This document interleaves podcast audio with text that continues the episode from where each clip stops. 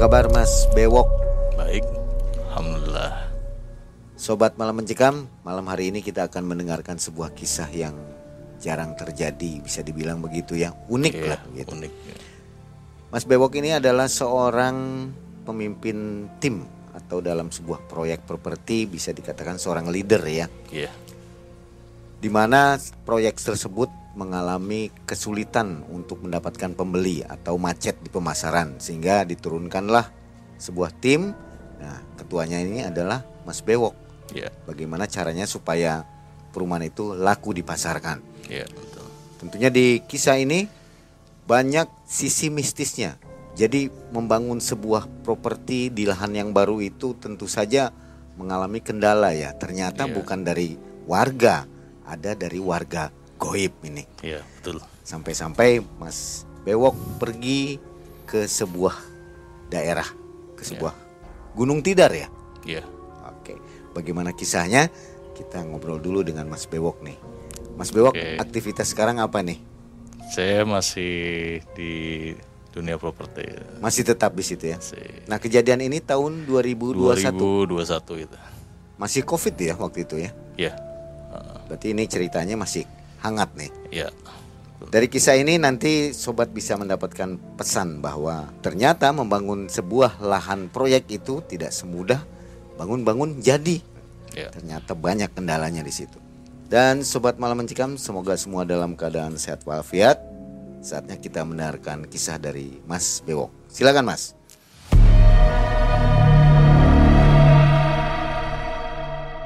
Gini Mang, Eh, kejadian ini kurang lebih dua tahun yang lalu itu sekitar tahun 2021, di mana waktu itu kebetulan saya mendapatkan salah satu proyek untuk perumahan di daerah.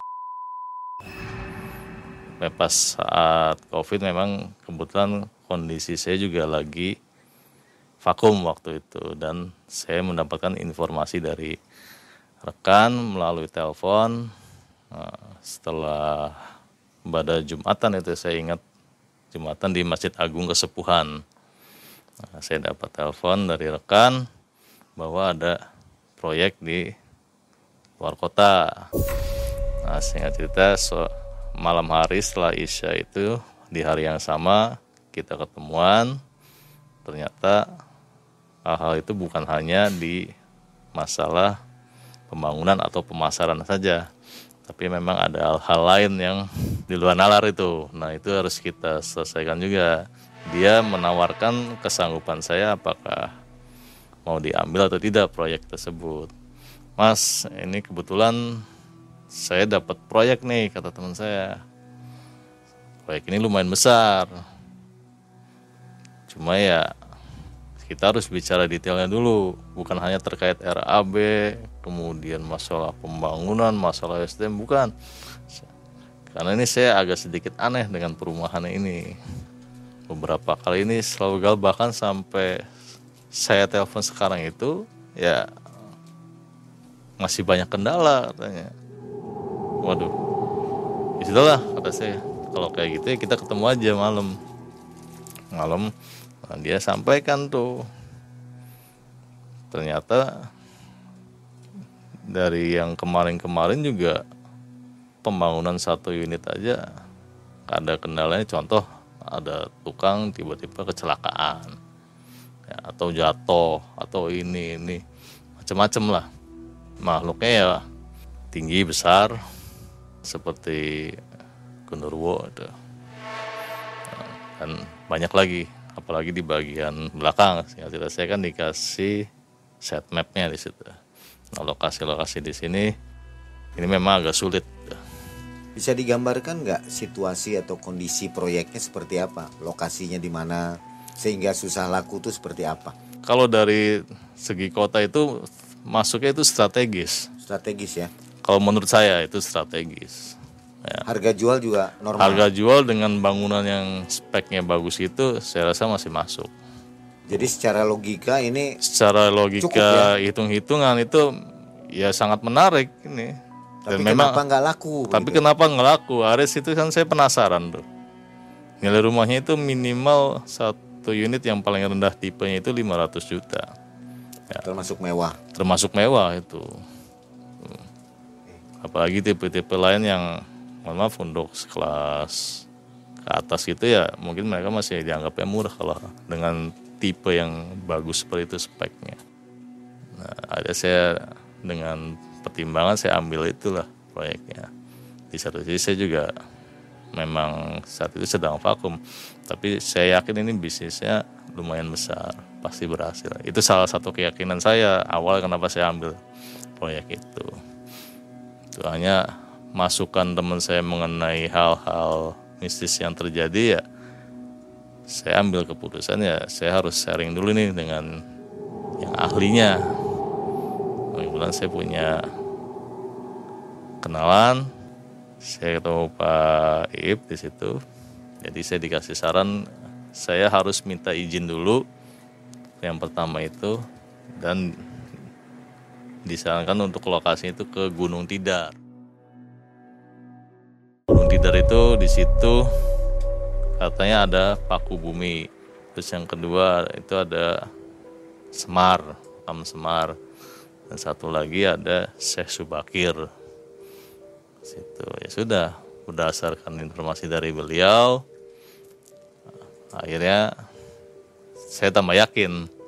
Tapi saya juga harus melakukan bersih-bersih dulu di Cirebon nih dengan tim nah di situ saya disarankan untuk mandi di Keraton Kesepuhan di Sumur Agung dan Sumur Jayaan di situ.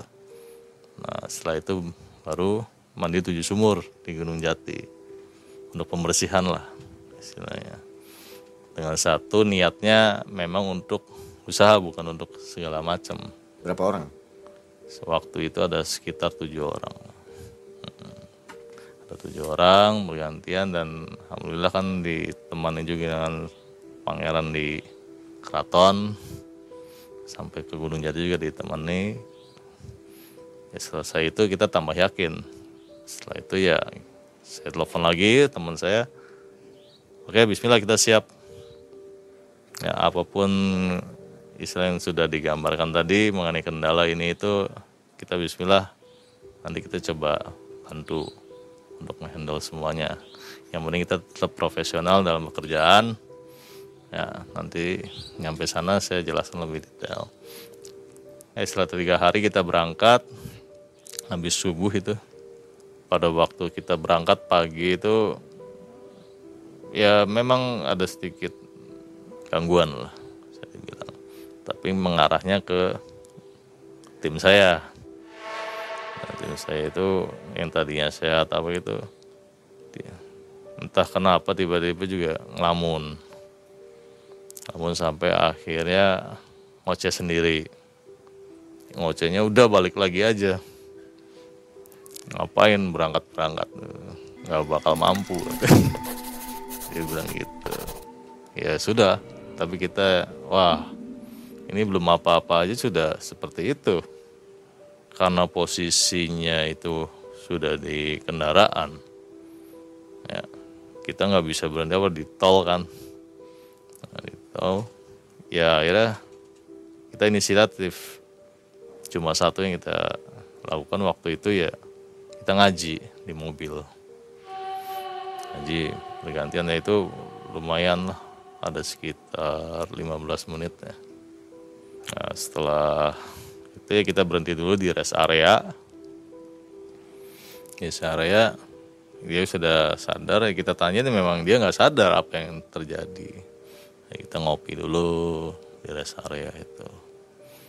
Ngopi ngopi ngopi makan dulu. Nah, kita lanjut perjalanan. Nah, terus nyampe kan itu kurang lebih sekitar lima jam ya dari tol. Nah dari Jogja kita ke langsung ke Magelang waktu itu. Itu kondisi malam? Kondisi menjelang maghrib itu. Memang disarankannya ya nggak boleh siang dari ahli spiritual ini. Setelah maghrib maghrib ini harus sudah di sana sampai selesai.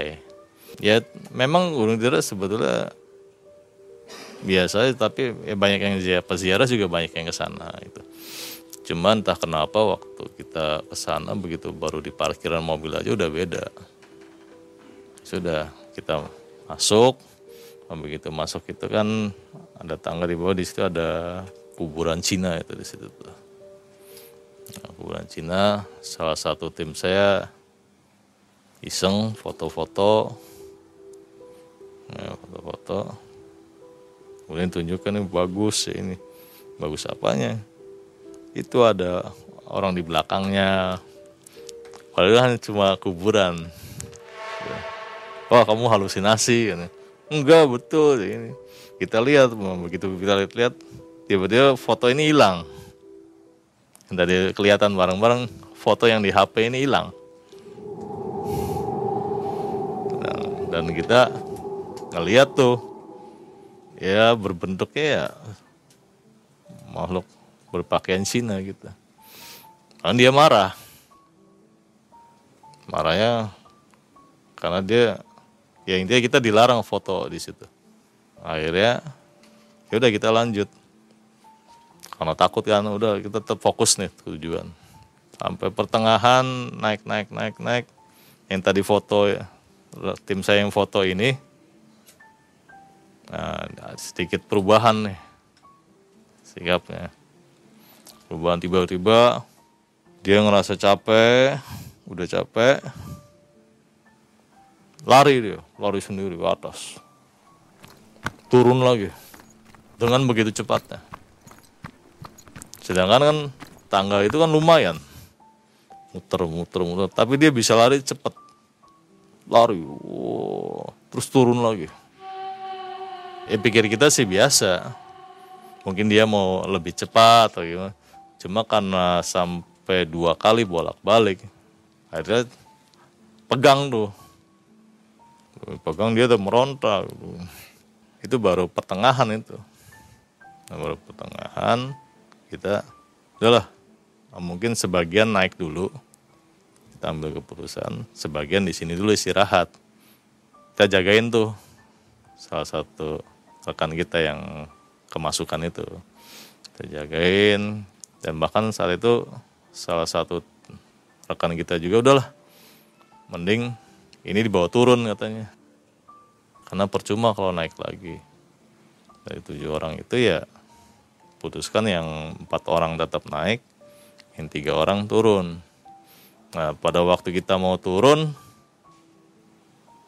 itu berat lagi kondisinya hujan. Jadi kita naik enggak, turun enggak di tengah-tengah.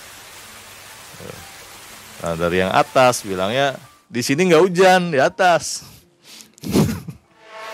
ya udah, karena di bawahnya hujan kita paksain ke atas, kita obatin dulu nih teman kita ini. Sampai dia muntah-muntah apa. Nah, nah yang dari atas turun lagi, turun begitu agak sadar baru kita angkat tuh ke atas dan kita istirahat di musola di atas di situ barulah di situ kita ceritakan kejadian ini. Dia nggak ngerasa. Saya ngerasanya saya ditinggal. Saya ini ditinggal sendirian. Kalian ini naik ninggalin saya. Saya kejar lari. Larinya juga nggak kira-kira cepet gitu. Beda kan kalau kita lari naik tangga ya secepat-cepatnya kita semana lah. Namanya tangga segitu tingginya gunung tapi dibikin anak tangga. Ya, secepat-cepatnya manusia biasa kan mungkin bisa kelihatan. Nah itu cepet banget. Bahkan dia sampai bolak-balik. Naik turun naik turun naik turun. Karena ngerasanya ditinggal. Nah terus dari sisi itu ya saya tanya terus yang kamu rasain itu gimana? Saya dimarahin katanya ya, ternyata rekan saya ini ya ada pertama dia sombong.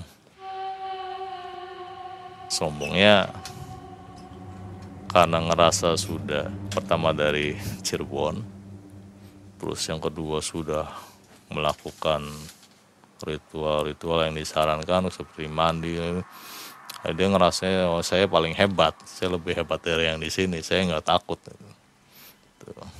Padahal tujuan kita ke situ kan kita bukan mau adu kekuatan atau gimana gimana. Kita istilah mau ziarah kita mau minta izin bahwa kita nih mau ada proyek di sini.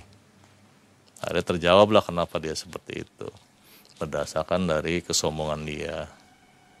Uh, setelah itu kita lanjut dari musola langsung ke makam Syekh Subakir auranya juga udah terlihat beda lah. Situ kita ziarah kirim doa segala macam. Cuma ya ada kejadian lagi di situ. Ada sosok yang terbang. Tapi dia nggak berani masuk ke makam Syekh Bakir itu. Karena dia takut lah. Saya takut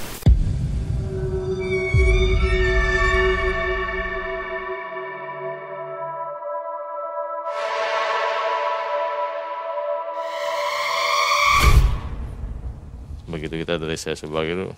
Itu makhluk itu ngintil terus. Berbentuk perempuan di situ. Ada jadi keluarga perempuan satu laki-laki satu dan anak kecil satu. Itu katanya itu keluarga itu. Seperti apa wujudnya? Wujudnya ya kalau anak kecilnya ya seperti tuyul. Busananya? Busananya putih putih semua. Tapi tidak nempel, dia melayang kata teman saya yang dia yang lihat. Gitu. Cuma nggak berani masuk ke makam saya Subakirnya. Tuh, kita ziarah, kemudian kita langsung lanjut ke makam Semar. Nah di situ mulai itu gangguan-gangguan. Kita ini kayak berat ngerangkah. Berat, kaki ini semua berat Padahal jalan biasa lurus. Tapi kaki ini kayak berat. berat. Jadi diem dulu kita. Gimana nih lanjut enggak? Ada yang siap lanjut, maksakan. Tapi ada yang nggak kuat.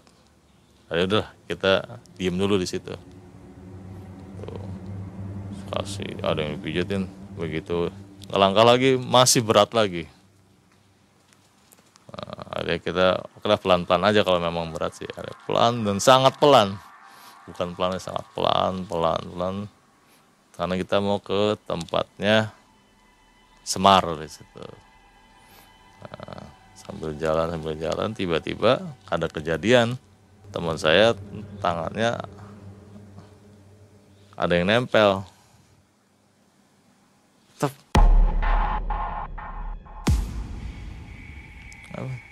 dia ada, ada batu di sini. Nah, di situlah ada suara. Ada suara kita semua ini ngedengar bahwa jangan sampai lepas batu ini untuk sampai ke makamnya Semar. Nah, mulai dari situ barulah kita langkah biasa tuh normal lagi. Akhirnya sampai ke makamnya Semar. Semar di situ kita juga. Ternyata banyak di situ para peziarah. Bahkan ada yang sampai nginep juga di situ. Hanya kita kan disarankannya hanya untuk berdoa ya supaya tujuan kita ini bisa dimudahkan. Itu tanpa istilah syirik ini harus ini macam-macam lah. Itu sebenarnya nggak serem nggak apa di situ tuh. Hanya mungkin dari tujuan kitanya ini memang mau ke proyek ya. Dan itu juga sudah disampaikan di awal nanti akan ada beberapa kendala-kendala. Itu sebenarnya bukan dari situnya tapi dari yang di sana. Dari yang di sana nggak berkenan kitanya untuk e, minta izin ke Gunung Tidar itu. Dan untuk menghalangi kita sampai ke tempat proyek itu perumahan. Ya di situ kita berziarah berdoa. Ya nah, ada lagi nih kejadian. Karena kita mau tahu kan dalamnya apa itu tertutup tuh. Dia naik nekat dikiranya kita lagi wisata. Setelah selesai gitu kita mau keluar dia pingsan langsung tak gitu. Dan pengunjung lain juga peziarah lain akhirnya ikut membantu kenapa nih. Bahkan peziarah lain sudah paham wah ini dia macem-macem nih kayaknya nih. Kalau peziarah lain udah dipinggirin dipinggirin. Hari kita ditolong dulu sama peziarah pinggirin. Ya. terus handphonenya mana handphonenya? Tadi dia video-video ya kayaknya. Iya. Udah dihapus aja dihapus. Nanti sebentar habis dihapus juga dia bakal normal ternyata benar normal. Jadi memang kalau tidak ada izin itu dari kuncen itu kita nggak bisa. Nggak boleh sembarangan nggak ya, boleh sembarangan di situ. Tapi namanya mungkin kan dia baru situ ya salah satu tim kita ini. Kalau saya kan wah mumpung di situ kan. Ya, dianggapnya wisata atau gimana. Ya memang tempatnya bagus nggak nggak serem cuma ya kejadian-kejadian ini yang kita bikin aneh. Ya setelah dari sana kita harus ke Pakumi di situ kan katanya Pakunya tanah Jawa. Di situ. Nah kita barulah di situ berdoa. Kita minta izin bahwa kita ini datang ke sini ini dengan tujuan baik. Kita minta untuk diterima untuk bisa melakukan pekerjaan di sini dengan lancar proyeknya lancar segala macam minta di minta karomahnya lah dari situ. Tapi dengan menghindari syirik itulah. Jadi kita tetap ke sini tujuannya minta izin. Tuh. Karena kita juga kan dari Cirebon juga sama dari Jawa.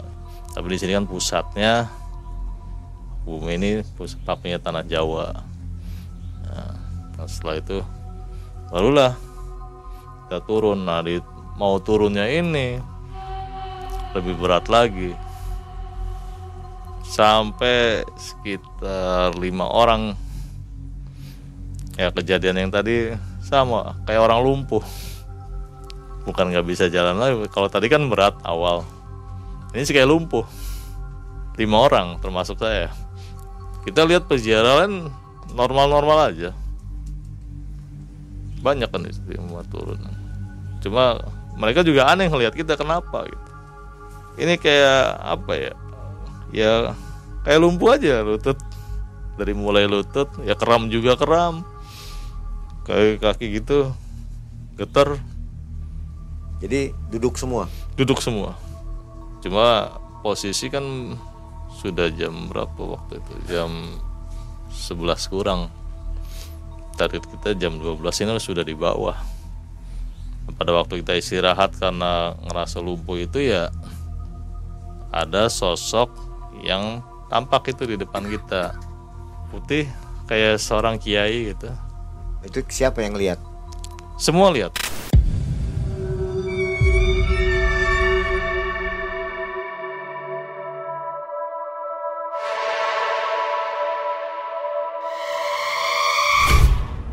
semua ngelihat karena kan mayoritas kita semua kayak orang lumpuh semua. Nah muncul nah dia minta kita untuk nyalain dupa. Dupanya jumlahnya tujuh.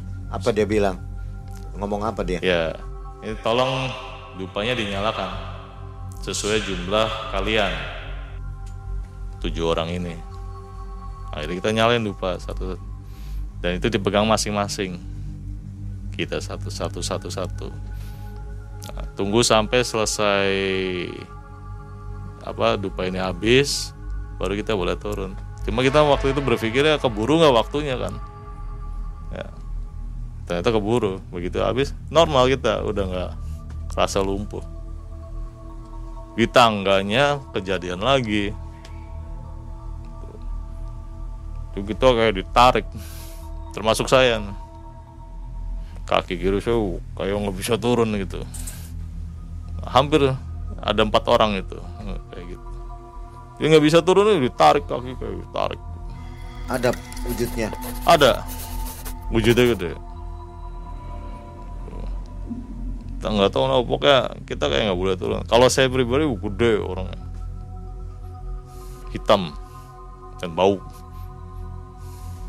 sampai ditarik-tarik itu saya ketakutan takutan karena ngelihat bukan istilahnya hanya ngerasa aja. Dan yang lain juga ngelihat jadi makhluk yang ada di situ mungkin merasanya kenapa nih? Ya berawalnya sih dari di makam sini dari awal ini kita udah beda. Mungkin mereka udah ngerasa keganggu ya akhirnya mengundang teman-teman yang lainnya. Tuh nah itu itu saya dapat informasi seperti itu pada waktu sudah di bawah. Tuh, nah kita alhamdulillah bisa sampai turun. Tuh, setelah cerita ke kuncian yang di bawah ini ini, ini iya berawalnya dari pas kita di paling tangga paling bawah itu dimulai dari makam Cina itu. Dianggapnya kita ini mau mengganggu. Padahal tujuan kita kan mau ziarah Tuh, makanya dari mulai bawah, tengah sampai kita mau turun lagi itu ya banyak gangguan. Tapi kembali lagi saya tegaskan ke teman-teman kan udah yang penting kita niatnya ibadah, kita mau izin ke sini. Nah di situlah entah gimana salah satu rekan ini berkomunikasi intinya setelah dari sini ya jangan berpikir istilahnya karena di sini akhirnya nanti intinya menghindari syirik lah. Jangan menganggap nanti proyek ini berhasil ini karena dari sini.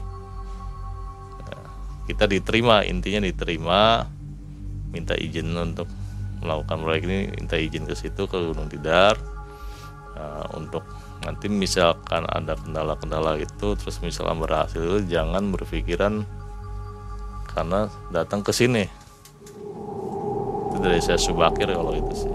Karena beliau kan istilah penyebar agama Islam. Ya, singkat kita udah turun udah. Tugas kita dari amanah yang di Cirebon ini harus spiritual udah selesai berarti kan?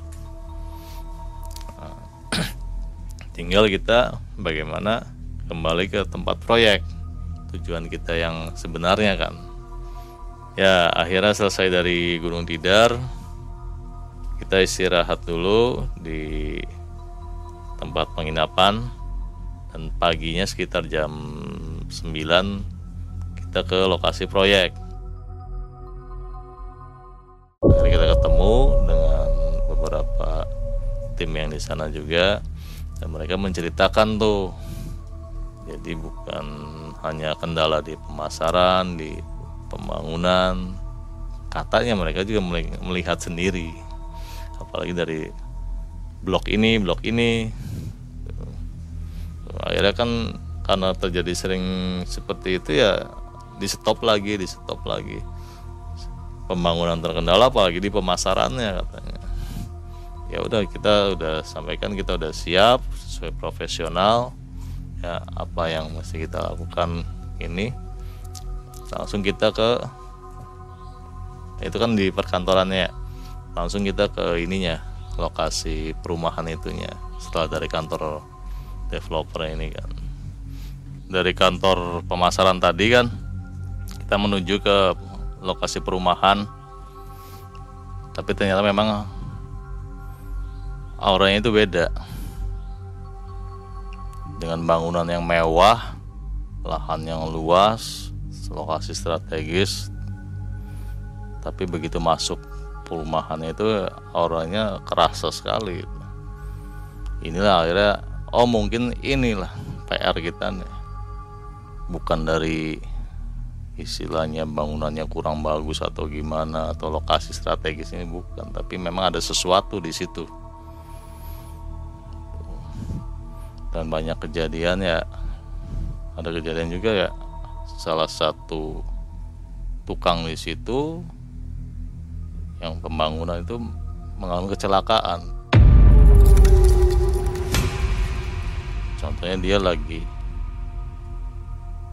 cat atas tiba-tiba jatuh seperti didorong. Tanpa sebab ya? Tanpa sebab. Itu berulang kali bukan hanya itu aja. Jadi supaya ini nggak bisa dibangun lahan ini. Bahkan untuk pemerataan aja itu sulit. Tiba-tiba ada batu yang tadinya istilah lahan datar muncul batu. Dan nggak bisa disingkirkan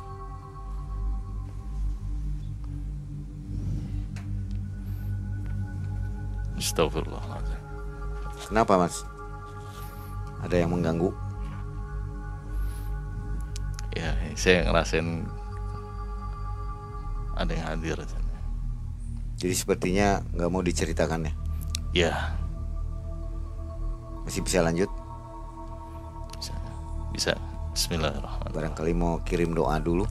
Eh, Saya minta izin dulu ya. Ya, silakan.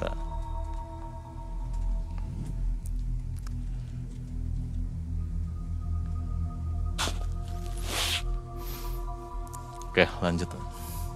Ya mungkin tadi Ya. Ada ada ini sosok yang hadir di sini Ini kira-kira sosok dari mana ini? Yang dari Tidar atau dari dari Tidar. dari Gunung Tidar? Ya, agak keberatan saya menceritakan tadi di Gunung Tidar. Sosoknya tadi seperti seorang syekh putih-putih pakai jubah. Tapi nggak bicara apa-apa. Ya sebatas ini masih diizinkan. Oke, silakan lanjutkan mas. Oke. Nah, saya lanjut mengenai tadi banyak sekali korban di situ. Ya, memang tidak sampai meninggal, ya tapi sering kecelakaan dan intinya memang di situ itu sudah pernah didatangkan beberapa ahli spiritual juga, tapi banyak yang gagal. Memang penghuni penunggu situ itu intinya minta tumbal dari perumahan itu. Ngomong ke salah satu rekan saya. Jadi ada yang masuk gitu waktu itu Kemasukan. kemasukan eh, ya mungkin mereka masih menghargai ya mohon maaf kita dari Cirebon dengan dibekali gini-gini akhirnya mereka mau terbuka di situ Nah, tapi melalui rekan saya nah, tumbalnya ya kita sepakati di situ diganti dengan kepala kerbau. Nah, itu harus ditanam di salah satu blok perumahan itu.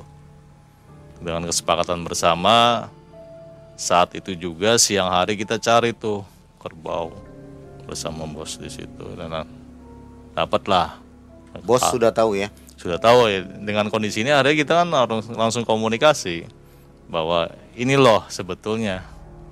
Ya, memang di luar nalar kita kan tapi kalau memang itu ya kita mohon ini permintaannya disetujui dan akhirnya kita sepakat lah oke lah terakhir nih kalau memang ini berarti yang lain sebelum sebelum kita kan memang ada tuh tapi itu gagal nah ada si bos ini oke kita sanggupin kita cari dapatlah itu kerbau itu kepalanya kita bawa situ Itu cari kerbaunya prosesnya bagaimana mas?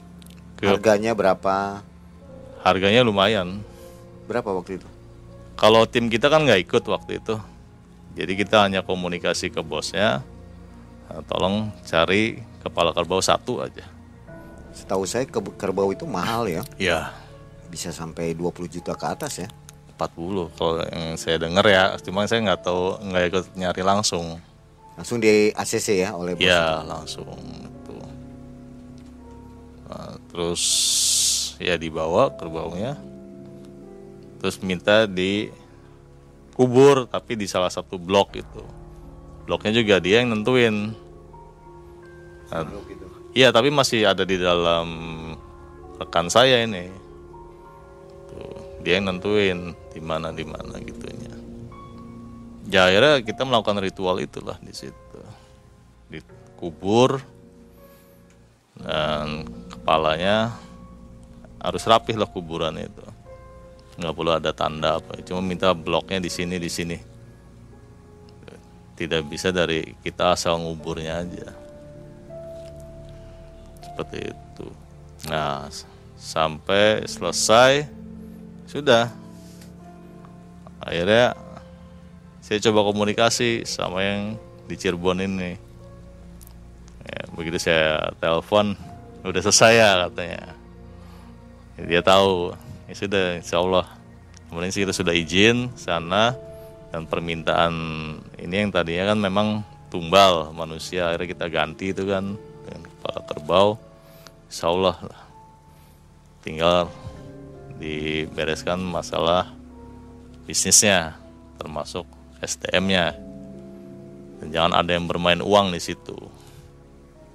Karena nanti ada PR satu lagi bermain uang itu nah dua belah pihak sudah sepakat kita tanda tanganin kontrak di situ. Sampai dengan proyek ini selesai. Nah, ada satu hal yang lumayan aneh. Begitu kita tanda tangan kontrak itu itu tiba-tiba ya ada beberapa pengunjung tuh. Bukan satu dua orang. Banyak itu yang datang ke situ nanya-nanya minimal nanya aja kita udah seneng. Ya, sampai hari kita arahkan ke kantor mereka mau untuk melakukan DP prosesnya konten mereka berdatangan tuh ya? Iya yang tadinya sepi nggak pernah untuk nanya aja susah ini malah pada nanya. Jadi seperti kebuka gitu. Padahal belum promo lagi itu. Itu belum promo. Itu belum promo. Nah, mereka ya ada beberapa pengunjung yang datang ke situ untuk sekedar tanya-tanya aja. Namanya kita melakukan penjualan itu kan ada orang tanya aja udah seneng. Ya nggak apalagi sampai mereka mau. Dan jumlahnya bukan satu dua orang tadi saya bilang. Dengan kapasitas mereka ya orang bermobil apa semua itu. Nah, mereka ngelihat oh ini menarik nih perumahannya. Nah itu sebelumnya belum ada. Nggak pernah terjadi sekarang sudah berapa unit yang terjual? Atau sudah laku semua? Laku semua. Sudah habis ya? Habis. sold out. Sold out. Nggak akan ada penambahan lagi? Eh, mungkin nanti ada wacana sih penambahan hanya untuk eh, lokasi yang berbeda. Oke ini daerah. Ya.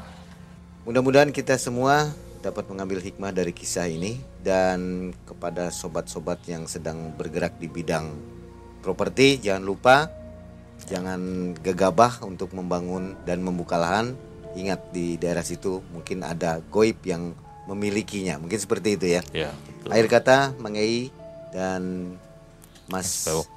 Bewok ya. Ini Mas Bewok namanya nih. Mundur diri. Assalamualaikum warahmatullahi wabarakatuh. Waalaikumsalam warahmatullahi